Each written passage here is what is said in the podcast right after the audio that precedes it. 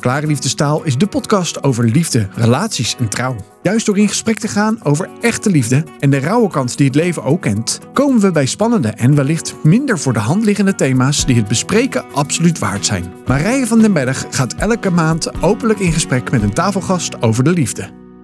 Van harte welkom weer bij een Klare Liefdestaal podcast. Dit keer met Jacob van Wielink. Nou, ik, inmiddels ken ik hem een aantal maanden en uh, komen we elkaar regelmatig her en der tegen. Maar ik leer uh, Jacob kennen als een hele wijze, integere man. Die, ja, als hij iets gaat zeggen, dan moet je echt op het puntje van je stoel gaan zitten.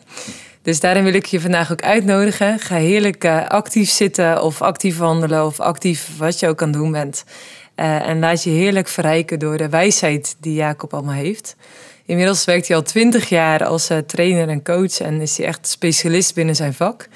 En al vijf jaar is de school van transitie een feit. En uh, wat ik daarvan hoor en zie, is dat het heel veel impact heeft in levens van mensen.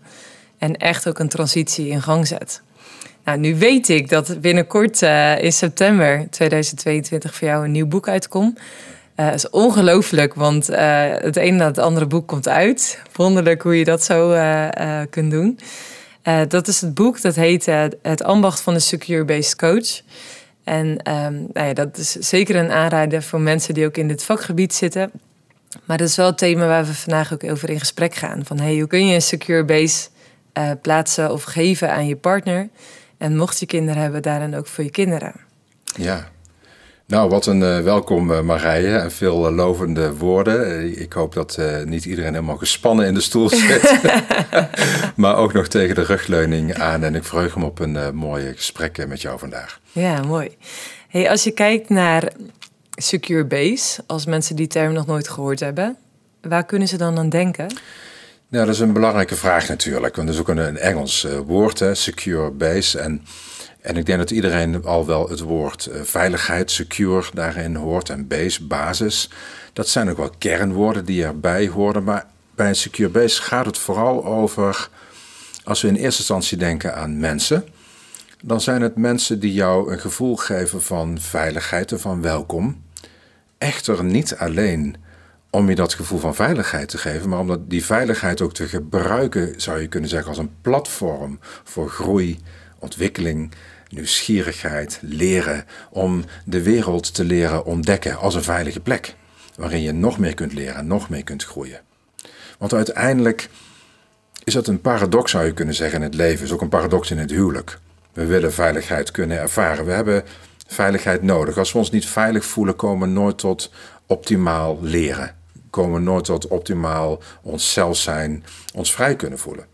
Ja, ik kan me dat wel voorstellen. Dat je uh, als je je dus niet veilig voelt, maar ook niet de ruimte voelt om te mogen zijn, ja. Uh, dan verdwijn je uiteindelijk eigenlijk. Ja, dan verdwijn je in tal van, zou je kunnen zeggen, negatieve overlevingsmechanismen. Het kan zijn dat je je heel erg gaat aanpassen aan de ander om maar te voldoen. Het kan ook zijn dat je je terugtrekt in jezelf, dat je iets van een, ook een depressieve natuur ontwikkelt. Maar er zijn tal van manieren waarop mensen zich kunnen aanpassen als ze ook in een eerdere jeugd, vooral in die eerste levensjaren, dat neem ik overigens vrij ruim. Ik zeg dan zo tussen 0 en de 18. En dus als je in die eerste levensjaren ook ervaringen hebt moeten hebben dat het onveilig voor je was, om wat voor reden dan ook, en we komen daar nog wel over te spreken met elkaar, dan heeft dat een, een, een belemmerend effect op hoe de manier hoe je naar jezelf kijkt, de manier hoe je relaties aangaat, de manier waarop je intimiteit vormgeeft, de manier waarop je bereid bent om risico's te nemen, de wereld te ontdekken. In, in je werk, in, in hobby's, in de kerk. Misschien ook wel de manier waarop je met God omgaat. En even dan terug naar die paradox. Dus ja, het gaat erom dat we ons bazaal veilig kunnen voelen. Maar opnieuw, die veiligheid is geen doel op zich. Het, het, het, doel van het leven is niet om je veilig te voelen. Het doel van het leven is om te kunnen groeien, om te kunnen genieten, om te kunnen exploreren, om, om, nou, eh, om op vakantie te kunnen zijn. Dat is wel een mooi voorbeeld. Hè? Als wij dit opnemen, dan zitten we hoog eh, in, in de zomer met de temperaturen die daarbij horen. Ja. En als je op vakantie bent, dan wil je ook in een staat kunnen zijn dat je geest open is om de indrukken die je opdoet op je in te kunnen laten werken, om geïnspireerd te raken. Ja. Dus jezelf veilig voelen is ook een voorwaarde om je werkelijk geïnspireerd te kunnen voelen. Het voelt een beetje alsof, ik moet denken aan een boom. Als je een boom zou schetsen, dan voelt die succurbase eigenlijk als de voedingsbodem die eigenlijk vanzelfsprekend is. Waardoor je dus kunt opgroeien en bloeien eh, eh, en kunt zijn, zeg maar. Dus Ja. de, het gaat niet zozeer om dat die voedingsbodem er zou moeten zijn... of dat je daar iets actiefs in moet doen. Maar het is wel heel erg bepalend in hoeverre dat je eh, kunt groeien en bloeien... En, en kunt ontwikkelen als persoon. Nou, dan zeg je natuurlijk iets heel moois. En die metafoor, die, die, die, die vergelijking ook met de boom, die is buitengewoon krachtig. Het is een flink aantal jaren geleden inmiddels dat iemand mij iets vertelde over de boom. En misschien weet jij dat ook wel. Maar als je gaat kijken onder de grond, dan is de boom onder de grond net zo groot als boven de grond. Of vaak is die onder de grond nog groter dan boven de grond. Dat is fascinerend. Ja. Dus wort- bomen hebben, hebben wortels nodig die steeds verder kunnen wortelen om verder te kunnen groeien. En volgens mij is dat met ons mens zijn ook zo. En is dat ook in, in de relatie met een ander en in het huwelijk ook zo. Ook, ook een volgende paradox. Dus je wilt samen zijn, je wilt je aan elkaar kunnen verbinden, je wilt er in diepere intimiteit met elkaar kunnen aangaan, de vreugde van de intimiteit kunnen beleven. Maar gek genoeg kan dat pas als we zelf ook de bereidheid hebben om in onszelf steeds dieper te, wort- te wortelen. Dus hoe dieper de wortels, hoe verder de groei. Ja. ja, dat is wel mooi, hè? En gun je dan ook jezelf die mogelijkheid om dieper te wortelen? Dat gaat vaak gepaard met heel veel vallen en heel veel opstaan. Zeker, laat ik daar maar eens in het begin nog wat over zeggen, want het is wel goed om, om wat cijfers te noemen. Cijfers die sommige luisteraars zouden kunnen schokken. Want we hebben het net gehad over veiligheid ervaren. Nou, wat we inmiddels weten uit onderzoek over hechting, want dan hebben we het over hechting. Hoe ben je gehecht? Dan weten we uit onderzoek dat ongeveer, dat, dat komt niet op 1%, maar dat ongeveer de helft, ietsje minder dan de helft, van de mensen in hun opgroeien overwegend onveilig gehecht is opgegroeid. De helft. Ja, ongeveer de helft. Maar dat heeft een gigantische gevolgen voor de heeft rest van je gigantische leven. involgen. En bij onveilig gehecht, dan hoef je niet meteen te denken aan dat daar hele per se, kan wel, dat er per se hele grote traumatische gebeurtenissen hebben plaatsgevonden. Dat kan zeker en die zullen een invloed hebben op de mate van hechting, veiligheid van hechting die je ervaart. Het gaat er veel meer om bij onveilige hechting dat er momenten zijn geweest, gebeurtenissen, dat er meestal een van de ouders, een van de opvoeders, onvoldoende beschikbaar voor jou waren. Onvoldoende ook emotioneel beschikbaar voor jou waren. Op een manier die jou heeft uitgenodigd om tevoorschijn te komen, maar ook weer verder te gaan. Dus ouders die bijvoorbeeld in staat zijn als het moeilijk is, jou niet te vertellen wat je moet doen, maar werkelijk emotioneel beschikbaar te zijn, te luisteren, naast jou te zitten. En jou ook aan te moedigen, uit te nodigen tot een volgende stap, maar wel steeds in die volgorde. En Heel veel ouders bijvoorbeeld, die zijn vervallen in de valkuil dat ze kinderen vertellen wat ze zouden moeten doen. En weer wat ze zouden moeten doen. En zijn onvoldoende bewust van de signalen die het kind ook afgeeft. Dat er ook iets anders nodig is, namelijk eerst verbinding. Ja. En ik denk dat dat ook jouw veerkracht kan verhogen. Absoluut. Al heb je het over dat diepe wortelen. Als je zelf ook geactiveerd wordt en overwinmomentjes hebt van... oké, hoe heftig dat het dan is. Je slaat de spijker op de kop. Dus veerkracht en hechting zijn één op één aan elkaar verbonden. Dus hoe veiliger de hechting is geweest, betekent ook dat je zult zien dat mensen, hoe, meer, hoe veiliger de hechting, hoe veerkrachtiger een persoon ook is. Want we zijn allemaal veerkrachtig. We hebben allemaal veerkracht. Alleen bij de een is het meer, bij de ander is het minder. Het kan toenemen, het kan afnemen, naarmate we in het leven ook door bepaalde pijnlijke ervaringen gaan. Ehm, maar terug naar die, naar die onveilige hechting. Dus ongeveer de helft is onveilig gehecht. Dus dat kan, dat kan bijvoorbeeld betekenen dat, nou zullen we het eens zeggen, je hebt eh, op, eh, op school pijnlijke ervaringen. En je komt met die pijnlijke ervaringen thuis.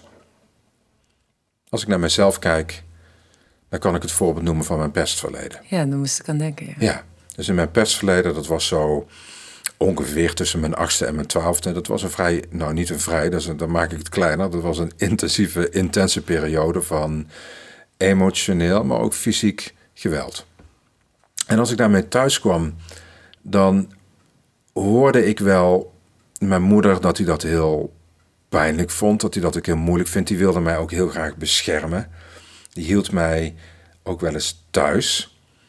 En dat voelde wel alsof ze begrip had voor het feit dat het heel pijnlijk was. Maar veel later ben ik me gaan realiseren dat het thuisblijven het voor mij ook nog erger heeft gemaakt. En dat ik ook de aanmoediging daarin heb gemist om weer verder te gaan. Die aanmoediging miste ik ook bij mijn vader. Later heeft hij me verteld. Dat heeft me ook wel geholpen toen ik die gesprekken met hem ging voeren. Later, dan bedoel ik echt vele jaren later, decennia later. Ja.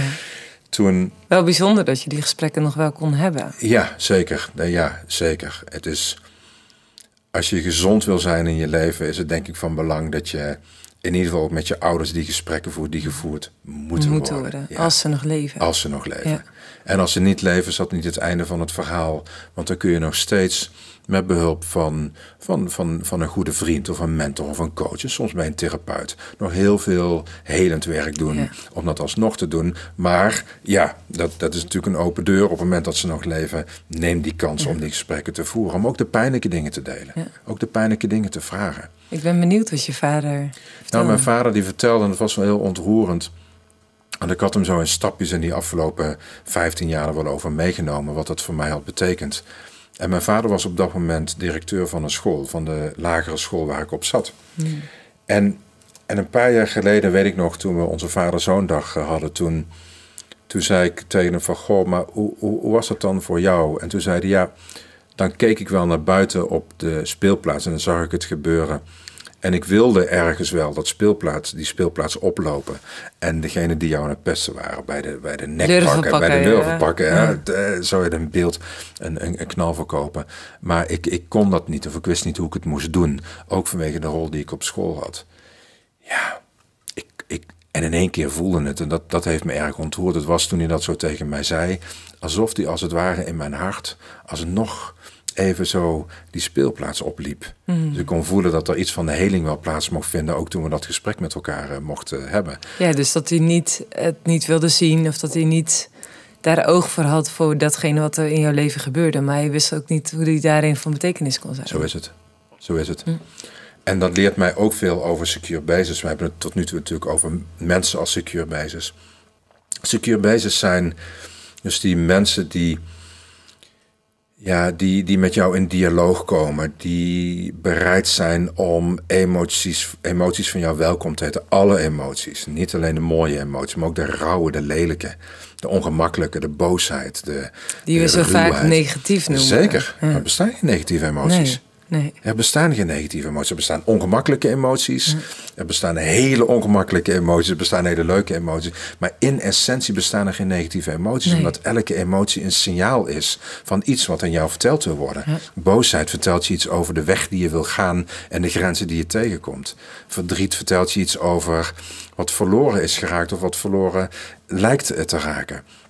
Angst vertelt je iets over wat je spannend vindt, maar wat je te onderzoeken hebt. Blijheid vertelt je iets over waar je vrolijk van wordt, waar je dankbaar voor bent. En dus die emoties, hoe waren die, dus een, voor de luisteraar ook een vraag om, om, om als je ook soms misschien worstelt met hoe verbind ik me nou, die vraag stellen, hoe, hoe was ik nou werkelijk welkom met mijn emoties? Hoe vaak heb je als kind gehoord van je ouder: je hebt geen recht om boos te zijn. Je mag niet boos zijn. Ik wil niet dat je boos bent. Ga maar naar je kamer als je boos bent. In plaats van dat een ouder ook leert om die boosheid. En dat zijn allemaal tegennatuurlijke bewegingen. Ouderschap is ook leiderschap. Net als in de partnerrelatie ook. Je, je moet dat leren. Dat gaat niet vanzelf. Dus je hebt ook, ook soms rolmodellen nodig Soms moet je het lezen in een boek, soms moet je een vriend hebben, soms kijk je naar een film of je leest het in de Bijbel. We hebben tal van manieren om, om voorbeelden te krijgen over hoe je dat kunt doen, die emoties welkom heet. Want emoties die welkom geheten kunnen worden, die kunnen ook weer ontladen en die kunnen ook betekenis krijgen. Maar elke emotie die wordt onderdrukt, zal op een moment zijn zijn uitweg zoeken en bijna altijd op een negatieve manier. Ja, dus in eh, fysieke klachten, in burn-out. ja, fysieke klachten, burn-out, depressie, in agressie, in, in verslavingen, in en, noem het maar op. En bij Secure Basis gaat het er niet om dat het dan perfecte rolmodellen zijn.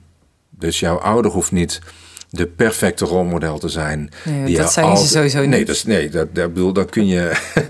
Eh, dat, daar, daar gaan heel veel mensen worden daar doodongelukkig van.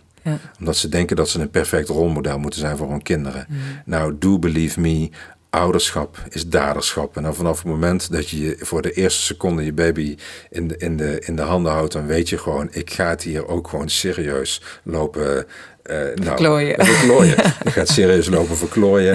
En, en dat is geen slecht nieuws, maar dat is goed nieuws. Want Secure Basis gaat niet over perfecte rolmodellen. Maar Secure Basis gaat over het vermogen om in die beweging van veiligheid en, en uitdaging te komen. En steeds de bereid om in herstelrelatie te komen om daar waar je de plank missloeg, daar waar het niet goed ging, om die verbinding te verdiepen, te herstellen, om opnieuw in relatie te komen. Ja, dus als er dus iets gebeurd is, ook sorry te durven zeggen. Sorry te durven of zeggen. Of dat moeilijke gesprek te durven voeren van Absoluut. hey, ik had een verkeerd inzicht. Ja, ik, ja, ik, had uh, ja, ik zat er gewoon naast. Ja. Als ouder en als partner het vermogen hebben om elkaar diep in de ogen te kijken en te kijken, ik zat er echt naast. Of wat ik toen net tegen je heb gezegd, dat spijt me echt. En dan niet wat we geneigd zijn om te doen. Want het is vaak nog, nog extra pijnlijk, is dat we wel de sorry horen, maar daarna vooral achter de komma nog een hele lange monoloog over ja, waarom het toch goed was. En je moet toch begrijpen dat ik het voor jou best wil deed. Nee, het is kunnen zeggen, het spijt me. Dit had ik niet zo willen doen. En ik ga dat de volgende keer proberen anders te doen. Dan mag je op vertrouwen dat ik daarin in aan het oefenen ben en aan het leren ben.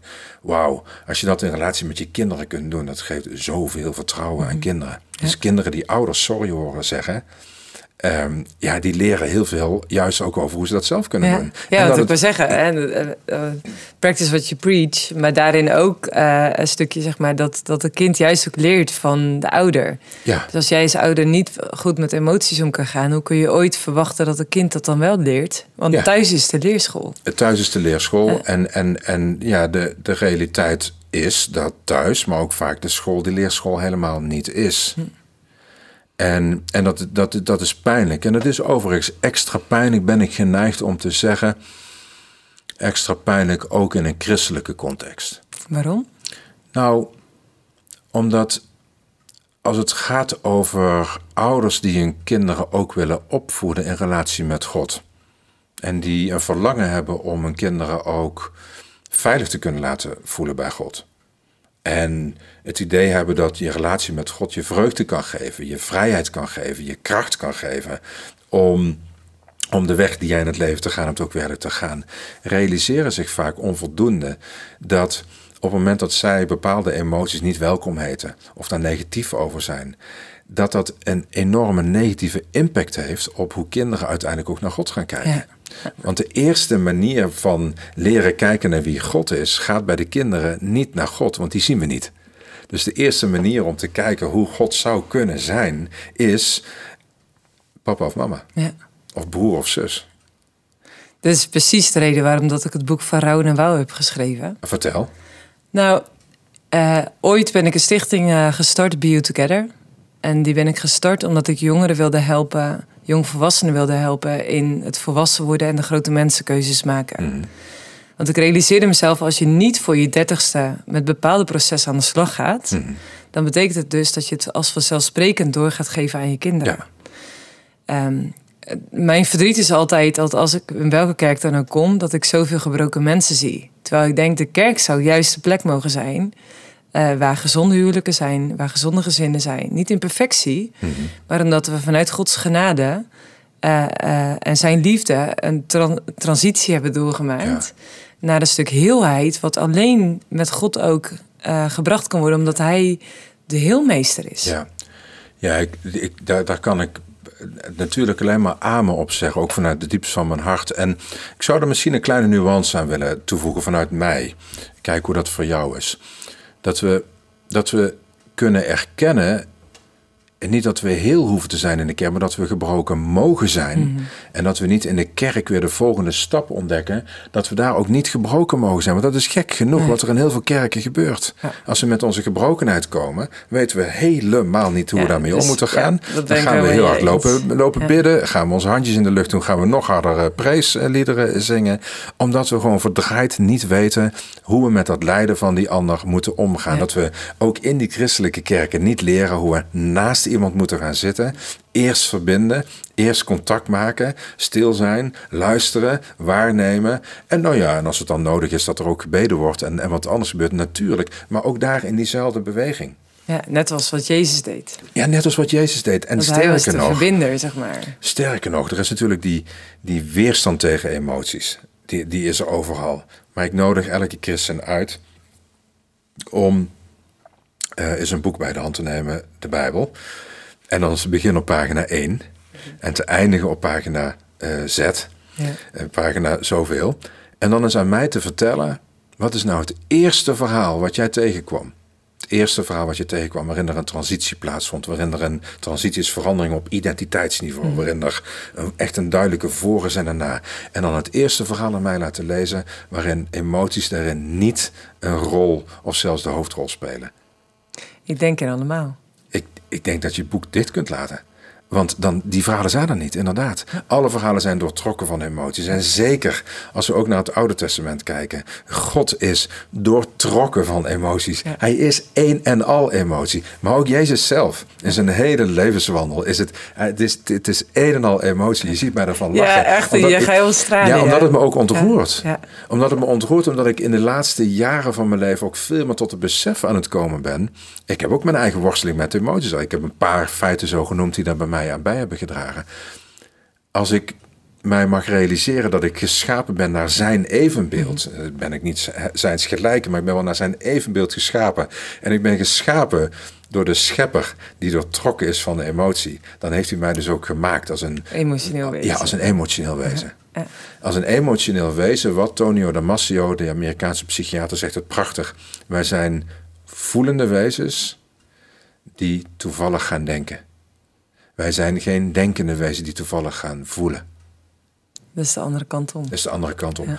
En wat we doen in het leven, en vele luisteraars die zullen dat herkennen, dat je door de dingen die je in je leven meemaakt, je probeert dingen kloppend te krijgen. Je probeert er een, je probeert een verhaal te maken wat voor jou passend is, wat de dingen draaglijk maken, die, die op een bepaalde manier rond zijn. Bedoel je dan het verhaal wat je eigenlijk aan jezelf vertelt? Het verhaal Waarom wat je, ja, het verhaal wat je aan jezelf zijn. vertelt, of het verhaal wat je aan anderen vertelt. Of...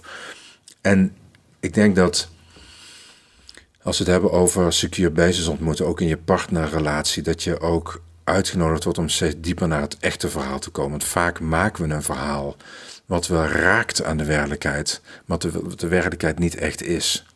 Wat we- Waarom doen we dat? Ja, dat doen we om een hele basale redenen, eh, reden. En die basale reden is dat ons brein, onze hele neurobiologie, onze neurofysiologie erop gericht is om pijn te vermijden. Ons brein haat pijn. Wij willen geen pijn. En de enige manier om dat handen en voeten te geven, nou niet de enige manier, maar de belangrijkste manier is om ook een verhaal te maken wat ons er ook niet toe uitnodigt om elke keer naar die pijn te hoeven toe bewegen. Dat noemen we ook een overlevingsmechanisme. Daar kun je heel oud mee worden. Maar dat is ook wel vaak de reden waarom heel veel huwelijken stranden. Waarom? Omdat partners onvoldoende de bereidheid hebben, of onvoldoende de kunde, of onvoldoende geleerd hebben, of onvoldoende uitgenodigd worden, of onvoldoende leren. Om niet alleen maar de fijne en de leuke dingen met elkaar te delen, maar ook de pijn met elkaar te kunnen Ja. delen. Daar waar het schuurt. Dus eigenlijk eerlijk te zijn naar je eigen hart, naar het eigen leven, naar je eigen lijden. Ja. Eh, en ook de kwetsbaarheid durven tonen richting de ander. Ja, ik denk dat dat in, in, ik- ontmoet hier, we zitten hier, als we allebei, nou jij naar rechts, ik naar links kijk, dan zien we naar een bank en op die bank zitten heel vaak echtparen tegenover me in deze ruimte, waarin ik eh, ook met ze spreek over de dingen die, die, ze, eh, die ze belemmert om naar die nieuwe lagen van intimiteit te komen, waar elke relatie naar verlangt.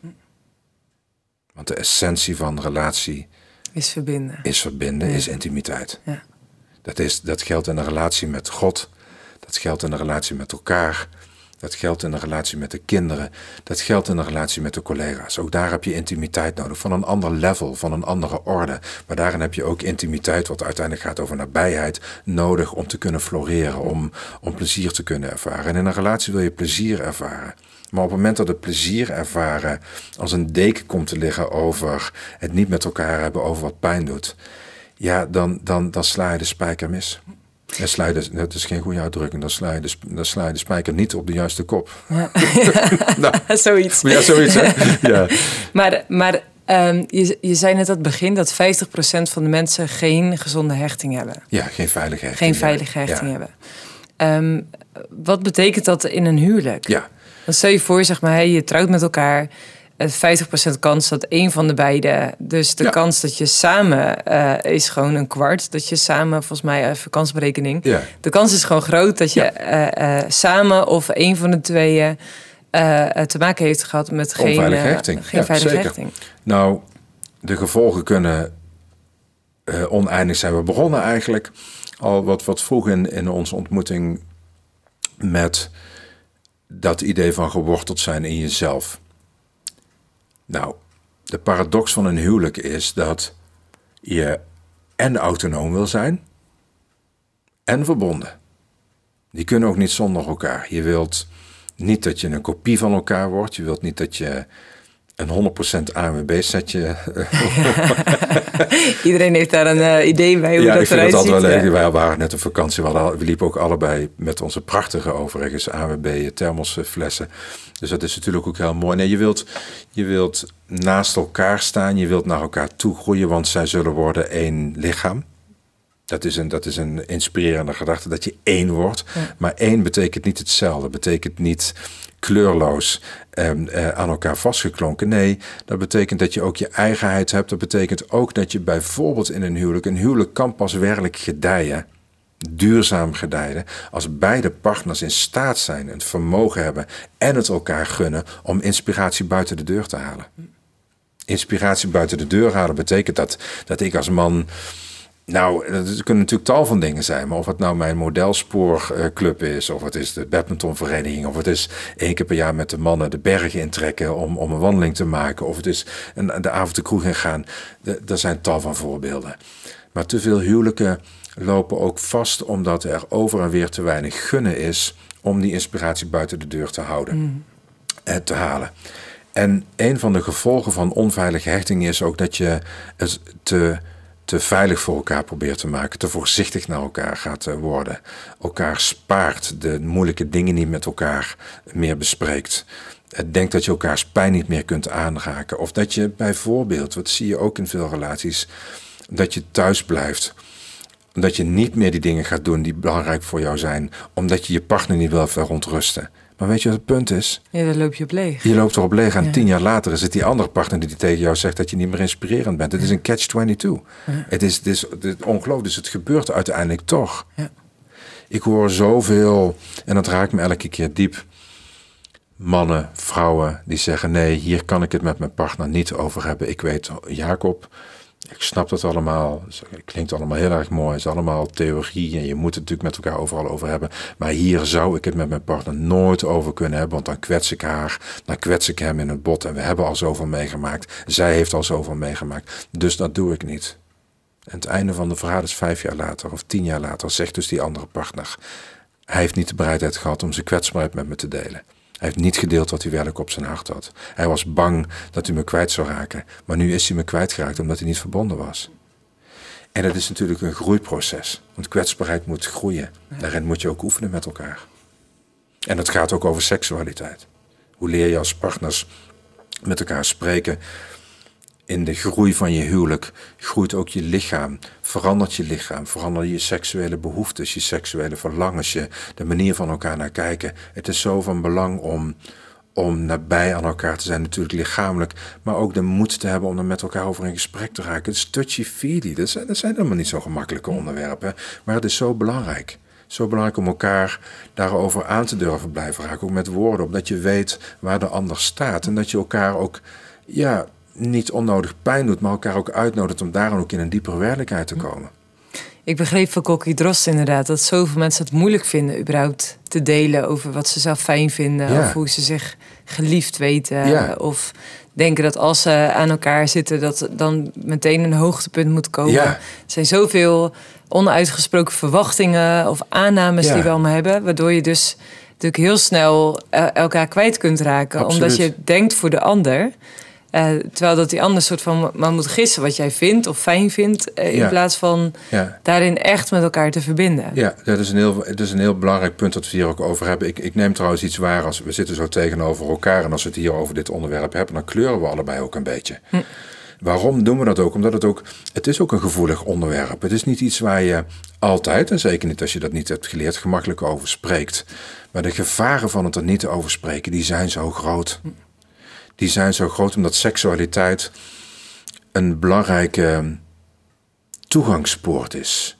Het, het erover hebben ook. Seksualiteit staat voor zoveel meer dan vanzelfsprekend alleen maar de lichamelijke daad die je met elkaar verricht. Maar staat veel meer over hoe doen wij dat met elkaar intimiteit vormgeven. En als het daar ook onvoldoende over gaat, dan leidt het tot tal van dingen. Het leidt vaak tot opgeslotenheid in je, in, in je huwelijk, tot je eenzaam voelen, tot je niet meer aangeraakt weten terwijl je aangeraakt wil worden. Maar het leidt ook tot ander gedrag. Het leidt bij, in ieder geval bij mannen, meer dan bij vrouwen. Dat laat gewoon de de statistieken gewoon zien. Daar hoeven we niet moeilijk over te doen. Bij mannen leidt het veel meer ook tot het gaan kijken naar porno. En daar wil ik allemaal niet krampachtig over doen. Eh, dat als je een keer porno hebt gekeken, dat het het einde van de wereld is. Maar op het moment dat dat een patroon begint te worden, dan kun je nog zoveel verhalen bedenken als man, dat dat jou allemaal niet zo beïnvloedt. Maar do believe me, het gaat tussen jou en je vrouw instaan. Want je kunt al die beelden die in dat hoofd van jou zitten opgeslagen, dat heeft gewoon zijn eigen werking. En die beelden die neem je ook gewoon mee op het moment dat je met je vrouw de slaapkamer binnenstapt. Ik sprak ooit een man en die zei: Ik zou willen dat ik mijn hoofd eraf kon draaien. Ja, Want eh, zeg maar, zonder dat ik het wil, komen die beelden allemaal ja, op de meest gekke momenten komen Zo die is het. terug. Het is zijn een soort van op een netvlies gebrand. ja, Eh, en dat had zoveel impact ook in zijn leven, maar ook gewoon in het disvertrouwen. ja, Dan is het stukje van hè, eh, vertrouwen komt te voet en gaat te paard. ja, Eh, de, de, de, de diepe gekwetstheid dan ook van Ja. de partner, of dat het nou een man of een vrouw is, ja, is natuurlijk intens, zeg maar. Dat jij niet goed genoeg bent, of dat jij niet ja, zo is het. daarin gezien weet, of, eh, of je heel erg onzeker voelt Ja. daardoor. Ja, zo is het. En, en ja, dat raakt me ook als we het hierover zo hebben. Want het leidt natuurlijk ook vaak bij, zowel bij de vrouw als de man, tot gevoelens van schaamte. Ik ben niet goed genoeg. Voor de vrouw, ik ben, ben niet aantrekkelijk genoeg, want hij kijkt toch altijd naar de ander. Of voor de man, oh, dit heb ik nu gedaan, dit kan ik nooit meer herstellen. Oh nee, maar nu kan ik het dus ook hier niet over gaan hebben. Want als ik het hierover ga hebben, dan voelt ze, snap je? Dan Ja. voel je de visueuze cirkel. Maar dan kom je dus in de gevangenis te zitten. Je komt absoluut in de gevangenis te zitten. En die gevangenis die kan als een hel voelen voor, voor allebei. En dat zit ook voor de man die dat, of, of de, degene die, van wie je dat zo hoorde, van die beelden, ik zou mijn hoofd willen afdragen. Het goede nieuws is dat herstel daarin echt mogelijk is. Ook op je, in je brein. Dus het is echt mogelijk. Neem eens mee, hoe werkt dat? Want ik denk Nou, dat iedereen neemt- die luistert denkt... ja, dit, ik herken dit in mijn leven. Ja. Hoe dan? Nou, in ieder geval is het denk ik gewoon heel eerlijk om te herkennen. En zeker ook als het gaat over porno. Oh, zijn niet alleen mannen die naar porno kijken. Laten we daar eh, maar helemaal meteen eh, de, de koe bij de horens eh, vatten. Nou, het begint als je dit hoort. Je van je weet ook te erkennen als het een probleem voor je is. En nogmaals, ik geloof dat kramp je niet bij helpt.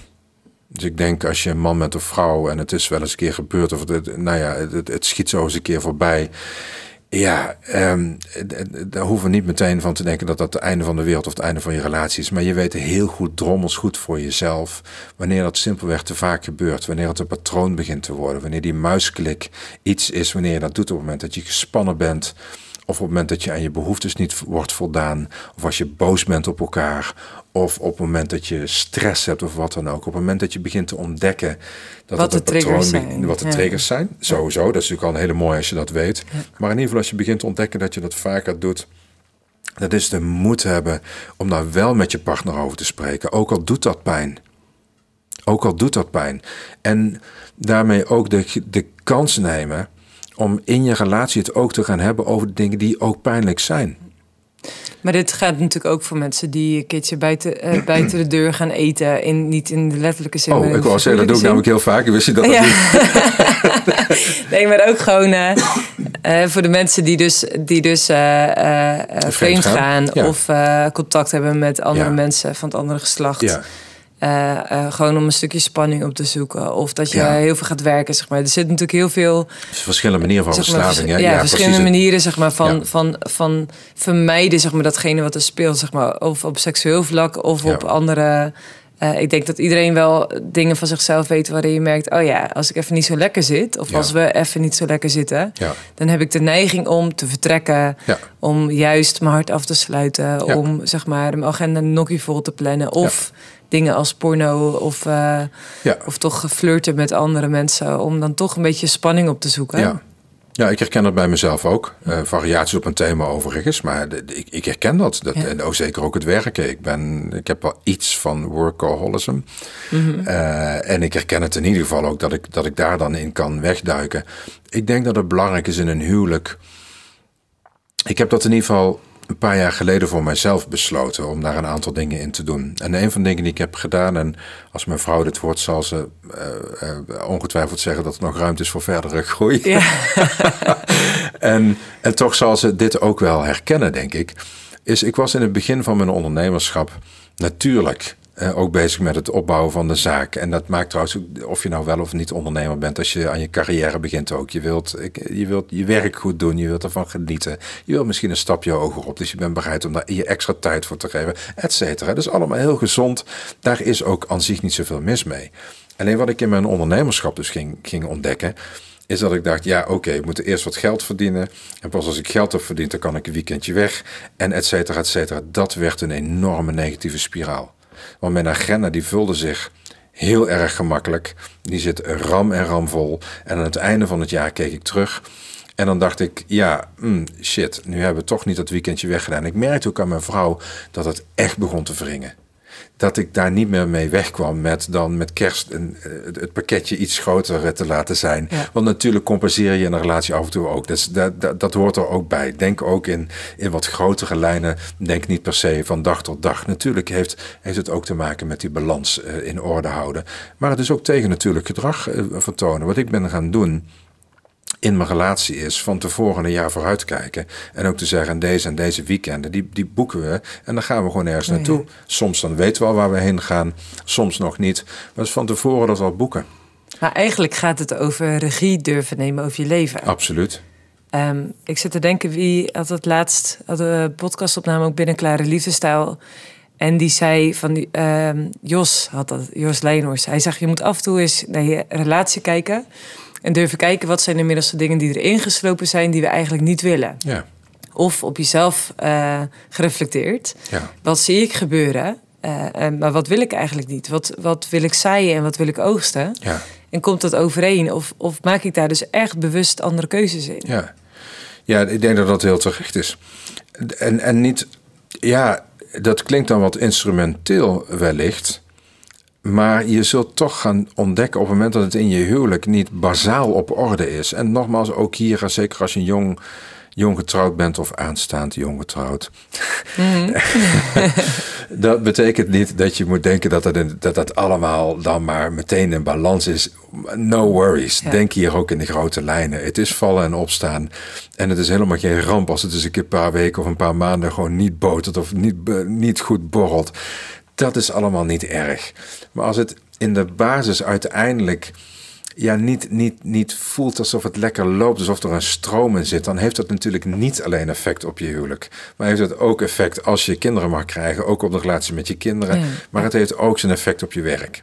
Dus het heeft overal zijn effect. Ja, eigenlijk op over alle plekken waar je komt, neem je dat soort van met je mee. zeker. En ik denk dat het huwelijk, zoals leiderschap dat ook vraagt, ehm, een aantal hele tegennatuurlijke dingen van je vraagt. En een van die dingen is bijvoorbeeld ehm, dingen inplannen waar je helemaal geen zin in hebt.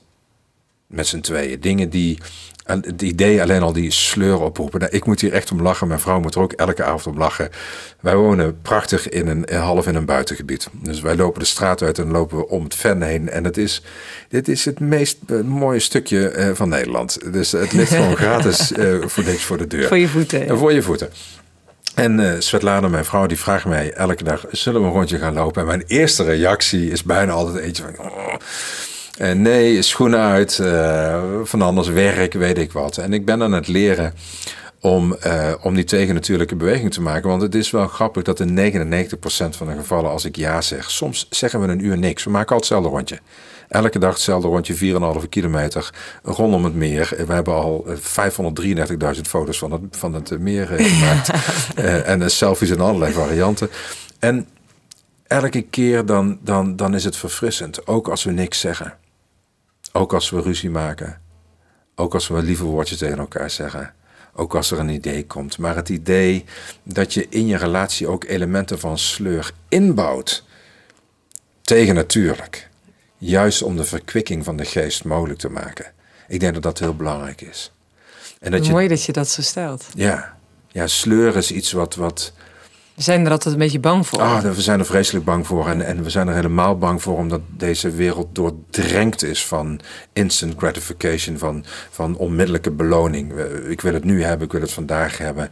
Er is vooral spanning omheen hangen. Ja, ja. En Terwijl dit haakt natuurlijk aan op wat uh, Mirjam van der Vecht ook altijd zegt: hè, de kracht van rust. Ja. Sleur is juist iets voor je brein en voor samen, dus iets wat heel erg goed is. Zeker. Zeker, samen een kopje thee zetten. Ehm, of de sleur van zo, als het al sleur zou zijn, mevrouw en ik sinds vier jaar, wij bidden elke avond voordat we gaan slapen. En het heeft altijd dezelfde vorm. We bidden eerst aan onze vader. Daarna danken we voor de dag en datgene wat, ons heeft, wat het ons heeft gebracht. En vragen we om zegen of genezing of iets anders voor mensen die het nodig hebben, die het ons gevraagd hebben. Nou, soms, ik zal het maar eerlijk zeggen, voelt het ook enorm als een sleur. En dan heb ik wel steeds wat laten zeggen, nou, moeten we dat niet anders doen? En, en ik weet nog, de eerste keer dat ik dat zei, dat ze ook tegen, dat ze me eigenlijk zei, nou, dat ze wat schrok en, en, en, en, en wat, wat bozig, wat verdrietig was. Ja, maar dat betekent ook gewoon zoveel voor mij.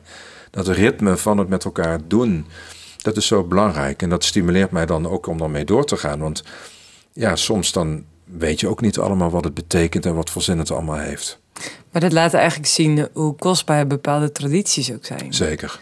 En ik denk dat we uh, in heel veel gevallen de baby gewoon uh, met het badwater weggegooid hebben. Of badwater met Ja. We zijn niet zo goed ja, spreekwoorden. We moeten een, uh, podcast over spreekwoorden. Ja.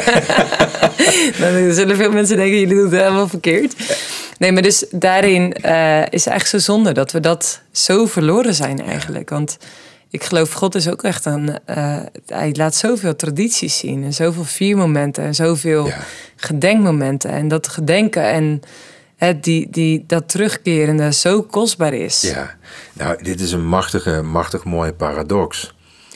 Dus als, als God tegen Mozes spreekt. en zijn geboden oplegt, het ontroert me ook als ik daar in één keer aan moet denken dan, dan is het het herdenken. En de Sabbat is natuurlijk de allerbelangrijkste. Dus het zondigen tegen de Sabbat. En, dat, daarvan, ja, daar, daar, moet hij niks van hebben. Maar het is dat doorgeven van die traditie. Waarvan God zegt, in het doorgeven van de traditie... zul je zien dat de geest zijn werking kan doen. Ja. Dus zonder traditie bestaat er geen werking van de geest. Ze hebben elkaar nodig. We hebben de structuur. Het is ook wel grappig als je kijkt. Ik ben natuurlijk katholiek. Je komt uit een andere traditie. Een van die mooie dingen uit mijn traditie zijn de kloosters. Hm. De kloosters die al. Die niet tientallen jaren, die niet honderden jaren, maar sommige die duizenden jaren, dat duizenden niet, maar in ieder geval meer dan duizend jaar doorgaan. Ja. Doorgaan en elke keer weer ontmoetingsplekken blijken te zijn waar de geest welkom is, een helende werking mag doen, waar mensen leren te bidden, waar ze ontvangen worden en weer op weg mogen gaan. Dat is die, dat spanningsveld tussen stilstaan en weer verder trekken. Dus traditie betekent ook letterlijk doorgeven. We moeten het aan elkaar willen doorgeven, datgene wat belangrijk is. Ja, mooi. Ik moet uh, uh, terugdenken aan iets wat je ergens in de eerste minuten van de podcast uh, verteld hebt. Mm. En daarin zei je dat voor een veilige hechting, dat het niet alleen maar gaat om de eerste vier jaar, wat we eigenlijk allemaal weten, maar jij trekt dat naar de 18 jaar. Ja, absoluut. Zonder enige twijfel. Dus de, de, de ontwikkeling. Natuurlijk zijn die eerste jaren van heel fundamenteel belang, maar we zien daarmee vaak over het hoofd dat met name in die, in die puberteitsfase waarin het heel erg gaat over nieuwe lagen van identiteit. Die gaan al over eerste aanwijzingen over bijvoorbeeld professionaliteit. Maar die gaan ook veel meer over het ervaren van diepere vormen van vriendschap, het verkennen daarvan. Die gaan over seksualiteit leren ontdekken. Die gaan over je lichaam leren ontdekken. Gaan al veel meer over dromen, grotere dromen. Dat zijn hele fundamentele identiteitsbepalende thema's die in die fase wat meer aan het licht beginnen te komen of volop aan het licht beginnen te komen. En ik heb ontdekt dat het in die fase van fundamenteel belang is dat ouders dan volop beschikbaar zijn om veiligheid te kunnen ervaren, te kunnen groeien. Een van de dingen die ik daaruit zou willen uh, oplichten, is waar ik met vaders vaak tegen, tegen aanloop als ik daarover met ze in gesprek ben. Is dat veel vaders, bijvoorbeeld als ze dochters hebben, vanuit de beste intenties, dus daar begin ik even mee, vanuit de allerbeste intenties, willen veiligheid bieden aan dochters. En een dochter wordt zo, nou zeg het eens tussen de 9, tussen de 12, tussen de 8 en de 14, bedenk het even, maar wordt langzaam vrouw. Mhm. Krijgt borsten, verandert van postuur. En bij veel vaders ontstaat er dan iets van een voorzichtigheid, iets van een afstand. Gaan ze dat met woorden ook benoemen? Gaan ze zeggen, nou, dit zijn de dingen waar je het meer met, met mama over moet hebben? Of bijvoorbeeld nemen fysiek afstand en gaan veel minder knuffelen. Ja ik zou je kunnen vertellen, misschien komt er ook nog wel eens een keer een boek over de vrouwen die me vertellen in de praktijk over terugkijken wat voor een fundamentele onzekerheid dat bij ze heeft opgeleverd. Want de man bij wie ze zich veilig voelden, bij wie ze zich primair in het gezin ook konden uiten, die ze konden vastpakken, konden knuffelen, bleek in één keer een onveilige factor te worden, zonder dat die vader er ook maar enig idee bij had. Dus de afstand die hij nam zorgde intern niet onbewust zelfs. Ja, onbewust. Want aan de buitenkant kan het meisje gewoon laten zien: hé, dit hoort er gewoon bij, kennelijk doen we het zo. Maar intern, zonder dat daar woorden voor zijn, ontstaat er op die leeftijd, ver voorbij de vier, een diepe onzekerheid bij de vrouw. Ben ik dan nog wel gezien? Voel ik, kan ik mij nog wel veilig voelen bij, bij een man? Dus vaders in de opvoeding mogen ook leren hoe doen ze dat in die fase als een, als een meisje puur begint te worden. En, en mijn advies is altijd: je knuffel inzet verhogen. Ja. Meer gaan knuffelen juist dan meer gaan knuffelen. Totdat je meisje op een gegeven moment aangeeft van nou, pa, ik geloof... Dat is wel goed, ja. Het, is wel goed. Maar laat het initiatief vanuit haar uitgaan. Ja. En, en nou, dat is denk ik een heel concreet voorbeeld. Ja, ik herken het ook wel. Dus als ik ergens spreek en er zijn vaders... Uh, en het gaat over seksualiteit, dan zeg ik altijd... Als vader, ben jij een voorbeeldfiguur... Als jij haar, zeg maar, laat zien hoe een goede man zorgt... en hoe hij lief heeft en koestert... Ja dan kan, komt niet elke pipo zomaar voorbij die een beetje aandacht geeft, eh, die de hart kan veroveren. Zo is het. Is geen 100% garantie. Nee, nee, het gaat niet over maar, de Natuurlijk, maar het gaat wel over het voorbeeld schrijven. Dan sla je dus ook weer een spijker op de kop. En deze nu, ging niet goed, hè? Ja. Ehm, dat betekent dat je. Dat, het, dat is wat Edith Eva Eger ook zo mooi zegt. Het grootste geschenk wat een vader aan zijn kinderen kan geven, is de manier waarop hij zijn vrouw behandelt. Hm. Is, heb jij, dat is ook voor de luisteraar een vraag als jij terugkijkt naar je, naar je jeugd en naar je gezin, heb je toen gezien dat je vader je moeder heeft opgetild? Op een, op een voetstuk plaatste. Hm. Op het juiste moment liet zien dat zij de nummer één is. Nou, niet op het juiste moment, eigenlijk altijd liet zien dat zij de nummer één is. En, en ook in de volgorde, ik schreef onlangs een, ehm, een poster over. Dat is mijn meest gelezen, meest becommentarieerde poster in, in, uh, in mijn, uh, nou ja, LinkedIn, 20 jaar op LinkedIn. ja. ja. En die ging ook hierover, over hoe hoe echtparen ook te leren hebben, denk ik, als het gaat over secure base. Uit wie, komt, uit wie komen de kinderen voort? Uit de relatie. Dus wat is de bron? De relatie. Dus wat moet gezond zijn? De relatie. En hoe uitzicht dat bijvoorbeeld als je thuis komt? is ook heel tegen natuurlijk. Dus echt buitengewoon tegen natuurlijk. Als je binnenkomt en de kinderen staan bij de deur, dan wil je natuurlijk die kinderen uitvoerig knuffelen en begroeten. Daar is natuurlijk niks mis mee. Maar de volgorde is toch een andere. De volgorde is dat als je thuis komt en je partner is thuis, dat je eerst, ook als je kinderen er zijn, je partner begroet. Waarom? Omdat de kinderen steeds opnieuw kunnen ervaren. Ja, dat is waar wij uit voortkomen. Hm. En, en ouders die dat leren, die zich dat helemaal niet bewust zijn, maar die leren dat het eerst begroeten van elkaar de veiligheid van de kinderen verhoogt, die zijn misschien wel geneigd om dat te gaan doen. Mooi. En, en, en dan ontstaat er ook iets van een speelse dynamiek. En dat moeten kinderen ook leren, dat mogen ze ook leren. Dat ze dat op een gegeven moment wel wat te lang uh, beginnen te duren. En dat ze wat beginnen te drenzen en te dreinen van en nu ik. Ja, natuurlijk, en dan jij. Maar wel in die volgorde. Ja. Dus het onderhoud van die relatie. Maar dat is natuurlijk ook een mooie traditie eigenlijk, die je dus kan toepassen Absoluut. in je relatie. Kleine, kleine, ja. kleine dingen, een traditie die je kan toepassen. En, en het werkt zo heilzaam. De kinderen staan nooit op de eerste plek. Huwelijken die stranden, daar waar de jonge gezinnen in het, in het spel zijn. In het allerovergrootste gedeelte van de gevallen is dat omdat de kinderen op de eerste plek zijn gekomen. En dat de ouders, zonder dat ze er ook maar enig idee van hadden, zijn vergeten dat ze het gezin zijn gaan managen in plaats van dat ze het gezin zijn gaan leiden. De eerste taak van een ouder is niet om het gezin te managen. Dat moet je natuurlijk doen. De kinderen moeten naar bed, de was moet gedaan, de hockeysticks moeten eh, in de auto. Dat moet allemaal gebeuren. Kinderen moeten naar school. Maar het is toch niet je eerste taak. Je eerste taak is om het gezin te leiden. Is om te zorgen dat er inspiratie in het gezin komt. Dat er ook andere secure bezig zijn. Muziek, sport, spel, de wandeling in de natuur.